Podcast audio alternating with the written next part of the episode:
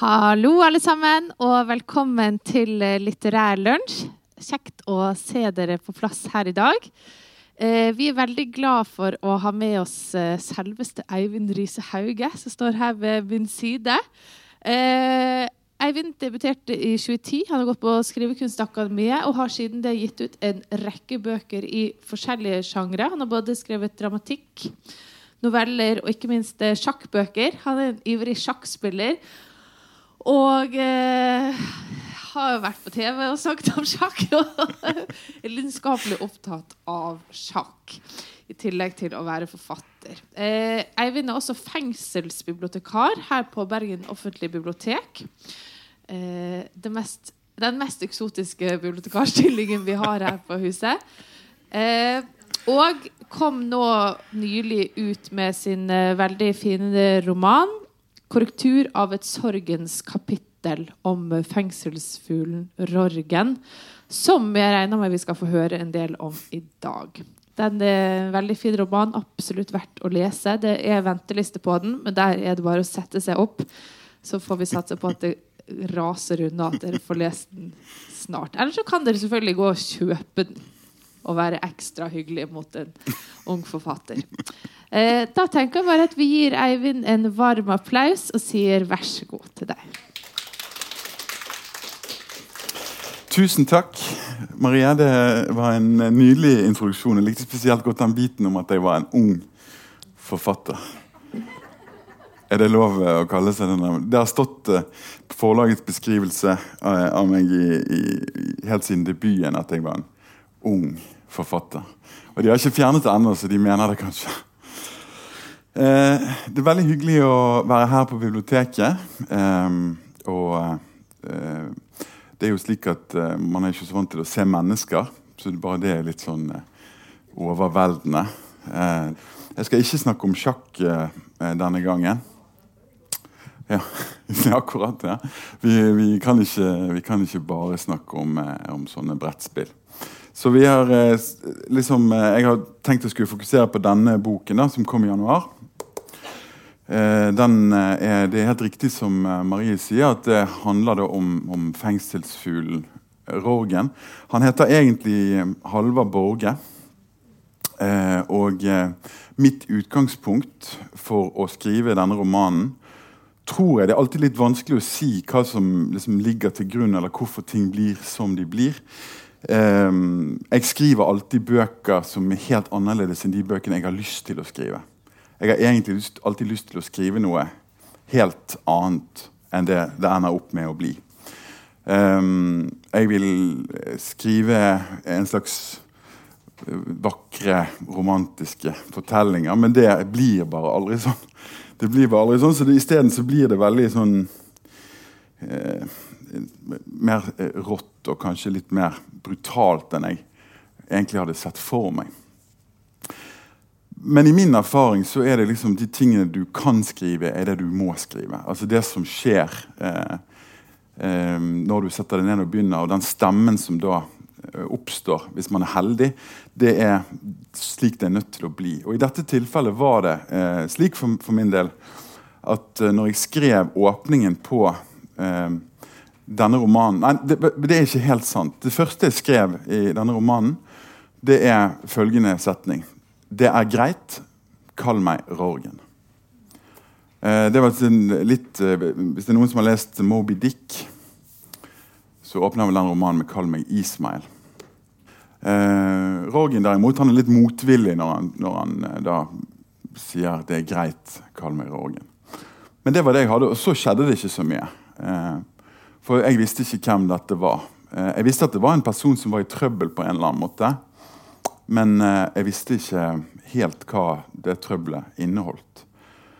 Men så jeg, får jeg en sånn der, um, liten periode der jeg er syk, har feber og sånt. Og uh, da sitter jeg med laptopen på fanget og sløver. Og så bare skjedde det noe der. Så jeg kan, kan ha feberen å takke, da. Og da, da, kom det altså så fort. Eh, selve råmanuset ble skrevet på jeg tror ikke jeg overdriver hvis jeg sier ti dager. Og Da skrev jeg hver dag hele tiden. Og jeg tok meg ikke tid til å gå tilbake og redigere. og Sånne ting sånne ting som stoppa opp den flyten som jeg hadde. da. Det var eh, rett og slett eh, bare slik at jeg eh, bare skrev og skrev og skrev og visste at her er det mye som må redigeres og ordnes på senere. Men det, den tid den så, nå må jeg bare få det ned. da. Og eh, jeg visste ikke hvor jeg skulle. Det vet jeg egentlig aldri. Men når jeg skrev de siste ordene, så visste jeg at det var slutten. da. Og det kom liksom overraskende og litt brått på meg, egentlig. Og så var det jo naturligvis da en lang redigeringsprosess etterpå. Eh, sammen med redaktør og forlag og de vanlige tingene der man liksom slipte dette til og skrev ut passasjer og kuttet noen passasjer. og sånt. Men det som eh, i hvert fall eh, romanen handler om, det er jo denne Halvard Borge-skikkelsen. Og hva er det han står overfor? Um, det jeg visste, er at han sitter i fengsel. Um, han sitter i fengsel, og får da et, uh, en oppfordring fra sin advokat til å formulere det som i retten kalles en fri forklaring. Um, og det jeg også visste var at Han sitter i varetekt, og har sittet i varetekt i lengre tid. Um, halvannet år, når han begynner å fortelle da, eh, sin historie. Hans frie forklaring er liksom hans beretning. da. Og han forteller jo da egentlig om hele livet sitt. Han er 45 år gammel, har sonet en rekke dommer, men står nå overfor en veldig alvorlig sak. Jeg skal ikke røpe hvilken sak det er for de som ikke har lest boken, men han står overfor en, en, en ja, det, det, er en alvorlig sak, og han skal da i, i, i, retten på et eller annet tidspunkt. Han vet ikke når. Og Det var jo også noe av det jeg var opptatt av å undersøke. at du sitter sånn og venter. Du vet ingenting om hvordan eh, dette vil forløpe. Du vet ikke når saken din kommer opp. Det eneste du vet, er at politiet sitter da og jobber med din sak. Og du sitter og venter. Um, så han, eh, på oppfordring fra denne advokaten, han er først motvillig til å egentlig gjøre dette. Men så er det jo litt sånn at han har ikke akkurat noe bedre å gjøre på. Um, jeg forteller også om biblioteksturene hans uh, i boken. Han skal ha en tur ned på biblioteket. Der sitter det en bibliotekar. Så For en løk av en fyr. Så bibliotekaren får litt, litt gjennomgang. Men det var jo sånn, en helt sånn morsomhet. Uh, men i hvert fall slik at disse, altså, det daglige livet i fengselet er én ting, men det han også, han tar oss liksom helt tilbake til barndommen sin, der alt startet.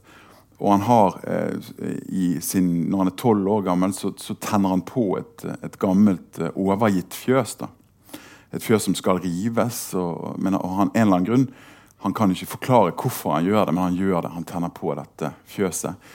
Og etter det så har det på en måte gått slag i slag i forhold til, eh, i forhold til loven. Han sier jeg har slåss mot loven siden jeg var tolv år gammel.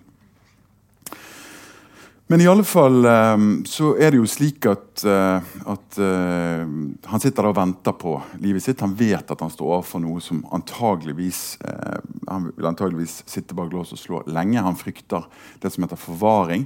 Det som han tidligere kalte sikring. Da, som betyr at du i prinsippet kan sitte inne resten av ditt liv.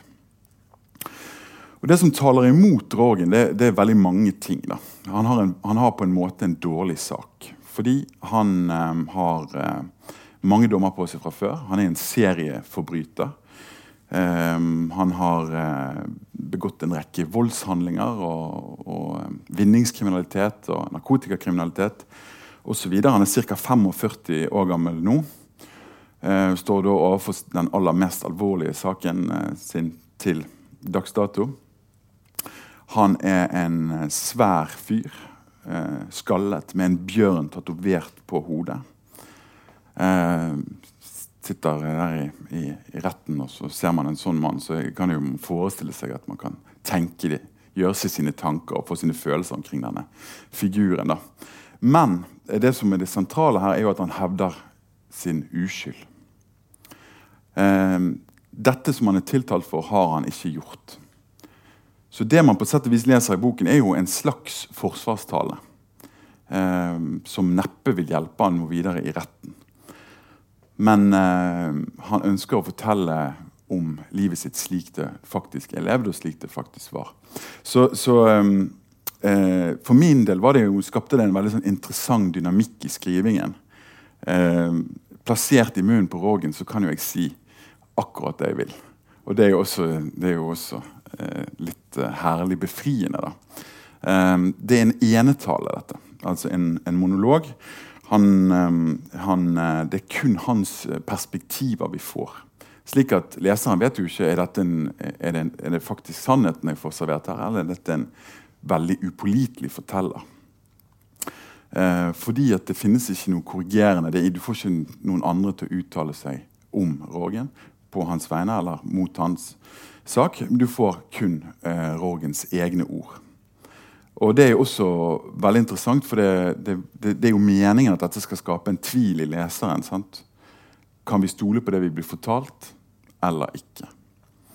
Eh, jeg tenkte jeg skulle lese bare kjapt nå fra åpningen. Eh, slik at dere hører liksom litt av hvordan stilen i dette her er, og hvordan det er bygd opp. Så dette er da bokens åpning. Det er greit. Kall meg Rorgen. Det har heftet ved meg, klengenavnet. Egentlig beror det på en misforståelse. Og likevel har jeg kjent meg hjemme i det. I alle fall noen ganger og i gitte øyeblikk har det også kommet til nytte. Langt mer hjemme har jeg under alle omstendigheter kjent meg i Rorgen enn i døpenavnet.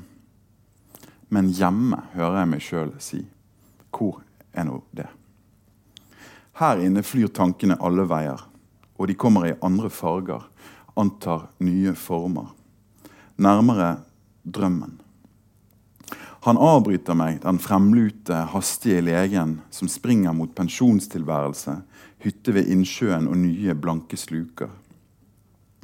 En bevissthetsforstyrrelse, sier han, rekker å nevne at dette er et kjent fenomen i det mennesket som han sier befinner seg under en usynlig tyngde.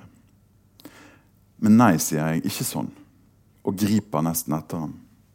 Tankene er som fugler, sier jeg, i det ene øyeblikket stupende fra klipper, i det neste glidende inn i solen. Det er som de bærer en egen vilje nå, tankene. Jeg kan legge merke til et eller annet der jeg før gikk forbi uten å ense noe som helst. Ja, det låter corny, jeg vet, men da er det som om noe letter innvendig. Måten lyset faller en vinterettermiddag, f.eks. Hvordan det skrår over gården her og blinker i en oransjemalt murvegg, kan uten videre frembringe noe gammelt. Aner ikke hvordan jeg kom til å tenke på grandonkelen min, han som mistet sønnen på sjøen i nord, og på sine eldre dager slo seg ned i Hellas, hvor han kjøpte et lite hus på en øy uten trafikk. Der sitter han med eldende øyne ved et hvitt plastbord. Derfra har han utsikt over det varme havet. Og han skriver i et brev til min mor at alt er forbundet, og at sjøen er den samme, om enn Ingemar ble borte på skreifiske et sted i det ville mellom Måsøy og Jan Mayen. Hele dagen sitter han slik og skuer, hjemsøkt av dette tapet han trodde han hadde lyktes med å legge bak seg. Det var kommet tilbake og vokste den siste tiden som en svulst i han. Og hjemme, ja.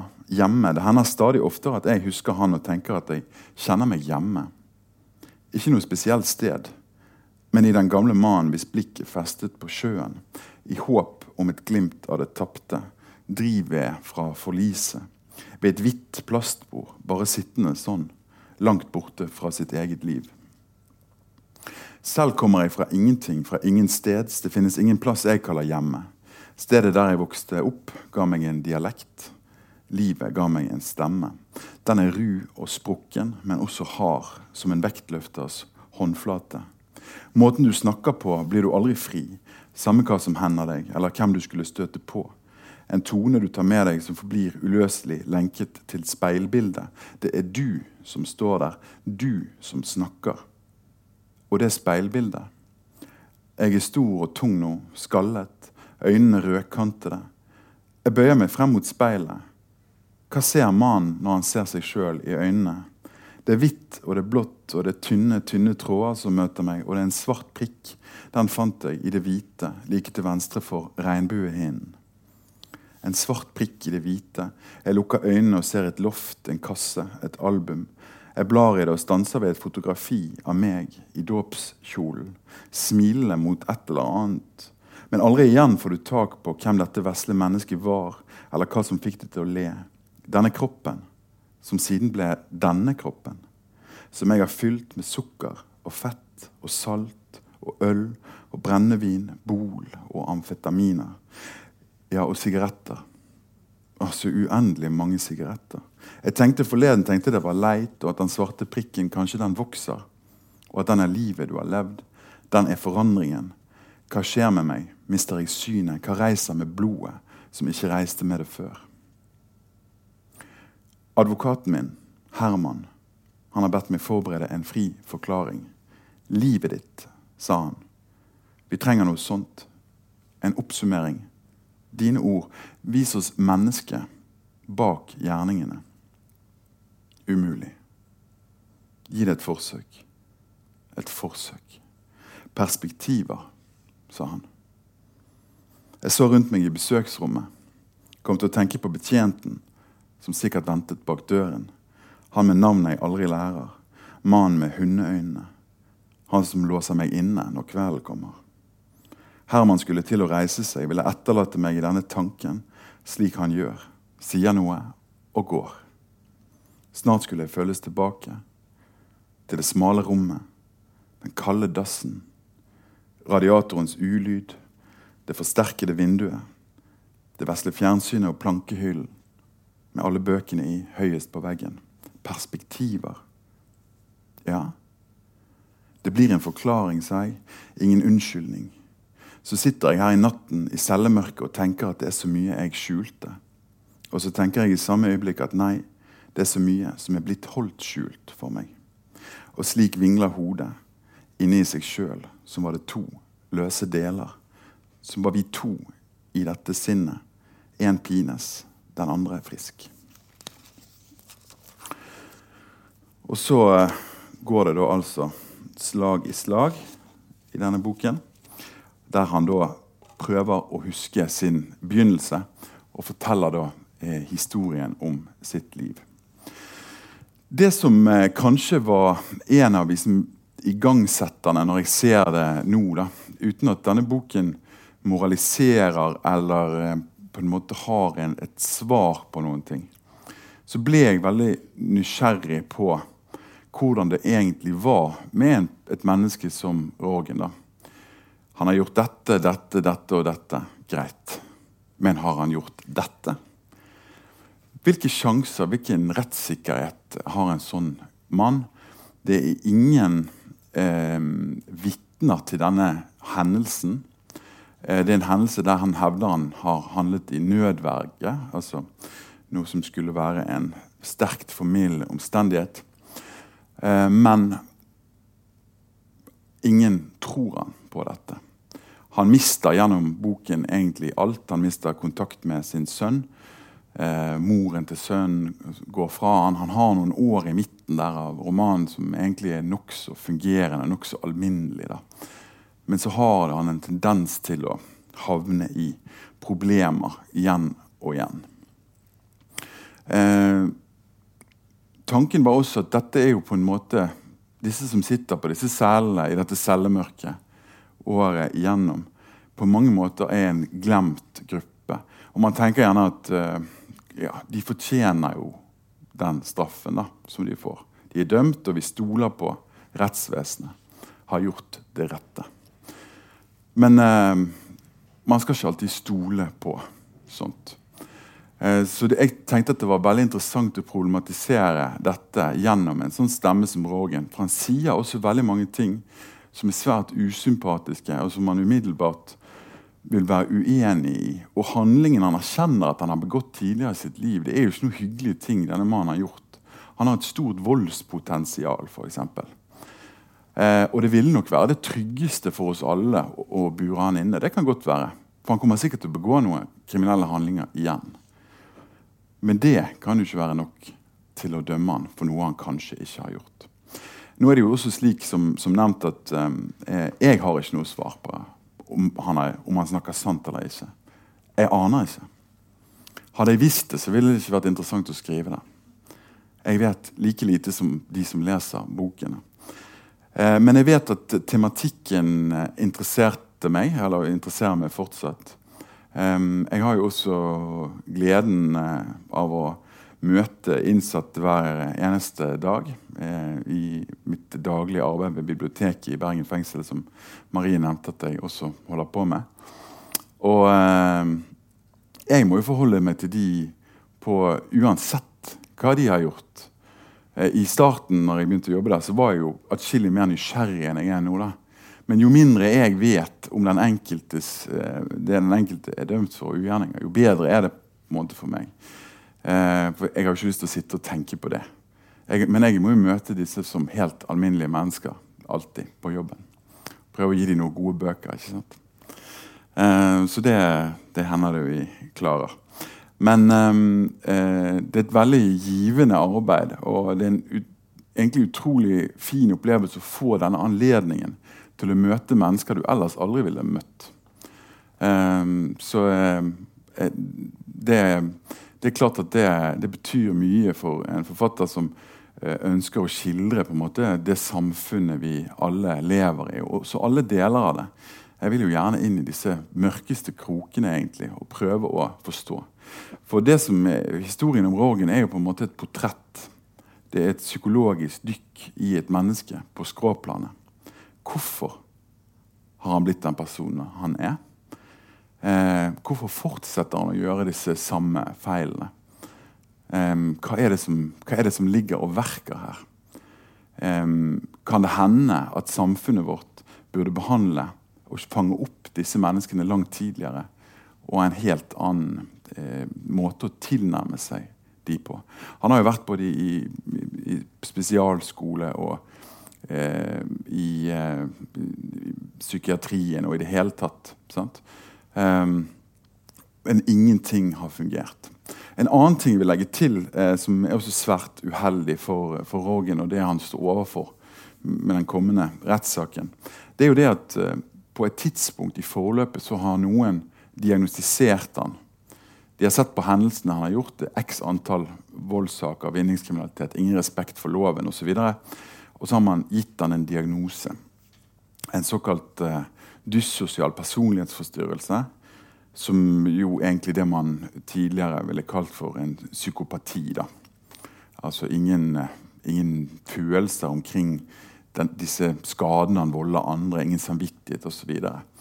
Eh, og han er jo sterkt uenig med denne diagnosen han fikk etter å ha snakket med en eller annen rettspsykiater i en times tid så fikk han denne diagnosen klistret eh, på seg. da. Og du blir jo ikke kvitt det heller. sant?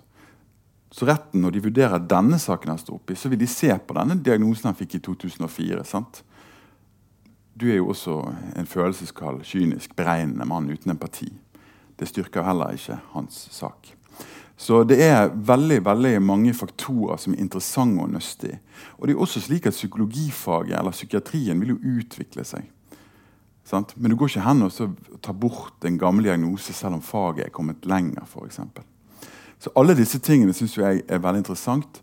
Og, og i Halvard Borg, eller Rorgens tilfelle da, så er det jo slik at det er så, det er så mange eh, elementer eller mange faktorer som taler mot han og til påtalemaktens fordeler, at eh, vi står i en situasjon med en mann som helt sikkert vil bli dømt selv om man ikke har annet enn en slags eh, ord mot ord-situasjon. Eh, eh, jeg, Det som slo meg, var hvis dette hadde vært meg, la oss si, da, som hadde stått i en tilsvarende sak uten noe rulleblad Viktig å nevne for alle her. eh, så tror jeg at jeg hadde atskillig større sjanser til å bli eh, frikjent i en slik sak. No Maria, har du klokken? Syv på halv. ok. Så, så det syns jeg er en veldig, veldig interessant eh, eh, sak å måtte utforske i en roman. Da. Men så er det jo også mye humor og morsomt eh, i denne boken. Han har jo et, en svart eh, humor og kan jo også se seg sjøl utenfra. Eh, og så En annen forestilling som jeg kanskje ville litt til livs, da, var jo at man, man man innbiller seg gjerne at eh, fengselet er fylt med, med mennesker som ikke, like, som ikke, er like flinke og har like gode evner som hos andre. Det er jo noe jeg har funnet å være eh, bare tull. Eh, det masse, sitter masse begavelser i fengsel. Uten tvil. Eh, de er nysgjerrige, mange av de. de. De leser masse bøker, kan masse ting. Har ofte hatt et liv på utsiden som har vært eh, naturligvis eh, eh, veldig annerledes fra vårt. Da. Men da sitter de også med andre kunnskaper. Eh, jeg hørte en historie, for eksempel, det er en liten, eh, når jeg fikk min opplæring i Bergen fengsel, der jeg jobba, så fikk jeg høre at eh, ikke være paranoid, men heller ikke naiv. Og så er det jo sånn at man um, I et fengsel så går man med et belte der du har en sånn skinnfell, og der du har nøkler er på en måte skjult inni der. Eh, det vil si at Innsatte kan ikke se nøklene dine, for de er dekket til. Og Den som lærte meg opp, sa jo det at nei, grunnen til det egentlig er jo fordi at enkelte Det har jo forekommet at folk har sett nøkkelen, husket den og gått og kopiert den i plateverkstedet. Det der er jo en veldig interessant eh, egenskap å ha. For eksempel. det, det er sånne ting man lærer seg når man ser alle disse smugene og husene og denne, den der en, en, kultur som vi andre ikke kjenner. Så plutselig lærer du deg noen helt andre nødvendige ting som du må klare for å leve på gaten. For eksempel. Jeg skal avslutte med å bare lese bitte litt uh, mer. Og si kanskje, det jeg kanskje ville si, er at, at um, det dette handler om på en måte for meg, da, er jo på sett og vis forsvaret for enkeltmennesket. Og det at vi ikke skal glemme noen av de som er og lever iblant oss. Jeg tenkte kanskje jeg skulle lese noe morsomt, men jeg husker ikke jeg vet ikke hva dere syns er morsomt. og ikke. men skal vi se um, Ok. Dette er fra en dag i fengselet. da. Han våkner. Enda en dag er jeg redd. Jeg har akkurat nektet å gå på jobb i metallverkstedet. Betjenten sa ikke noe på det. Kult av ham, for så vidt. Jeg verken hoster eller har feber, og øynene renner ikke mer enn de pleier. Men det er noe annet. Jeg har stivnet. Det er ikke vondt, det er bare tungt. Skjønner? Om kvelden tar jeg Serokveld for å sove. Det er egentlig et antipsykotikum. Apedop. Ja, ja, C-preparater. Som vi får billig her inne. Vi spiser det hele gjengen. Men jeg våkner hver natt og blir liggende med denne følelsen av å ha stivnet i meg sjøl. En slags søvnparese jeg sleper etter meg langt inn i dagen. For mange år siden i forbindelse med en serie av hendelser satte en rettspsykiater et stempel i panen min. Først hadde han utelukket psykogen tåketilstand.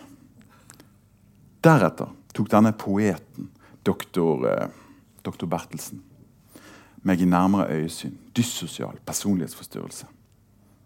Jeg hadde ikke hørt om det før. Til mitt forsvar hadde ikke lekfolk noen kjennskap til personlighetsforstyrrelser den gangen. Men nå, takket være Google, så er alskens psykologiske og medisinske termer blitt allemannseie. Og ikke er du verdt rare greiene uten en diagnose. Jeg syntes uansett det var pussig at jeg skulle være så antisosial jeg som godt kan være flink med folk og snakker greit med alle slags typer. Hva er vel det å være sosial om ikke å funke noenlunde sammen med andre? Betydelige svakheter, skrev han. Betydelige svakheter ved Borges personlighet. Jeg oversetter. Det betyr at du ikke har empati. Sånn har jeg forstått det. Eller i alle fall nokså lite av den der medfølelsen. Og det finnes ingen kurativ behandling. Tilstanden skal vare livet ut. Og prognosen er å oppfatte deretter. Det han gjør, sakkyndige, er at han blåser støv av gamle dommer. Ser på greiene du kanskje har stelt i stand, og det du har hoppet over, og dernest forteller deg hvem du er, mennesket han nettopp møtte. Lemfeldig omgang med rusmidler, problemene du må ha med autoriteter, uavklart forhold til loven, har du holdt på en jobb, å, har du ikke førerkort, etc.